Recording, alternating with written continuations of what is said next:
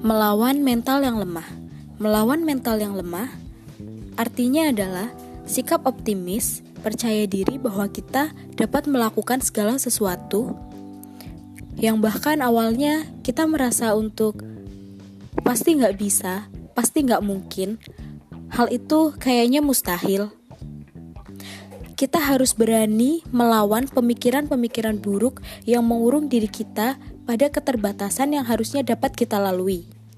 Tanda kita memiliki mental yang lemah dapat dilihat dengan sikap mudah menyerah.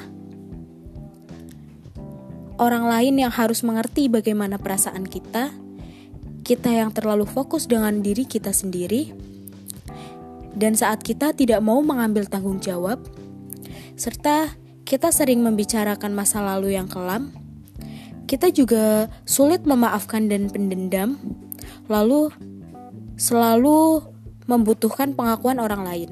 Segala hal yang kita kerjakan bukan untuk diri kita sendiri, namun untuk melihat bagaimana orang lain akan memandang kita.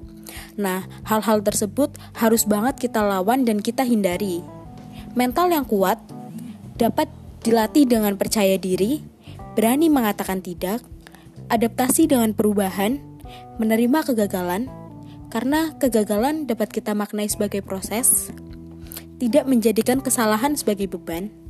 Kesalahan dijadikan sebagai pembelajaran agar ke depannya tidak mengulangi kesalahan yang sama, lalu tidak membandingkan diri sendiri dengan orang lain karena keberhasilan tiap orang itu berbeda dan kita harus selalu berpikir positif, karena segala hal yang positif akan bermulai dari pemikiran yang positif pula.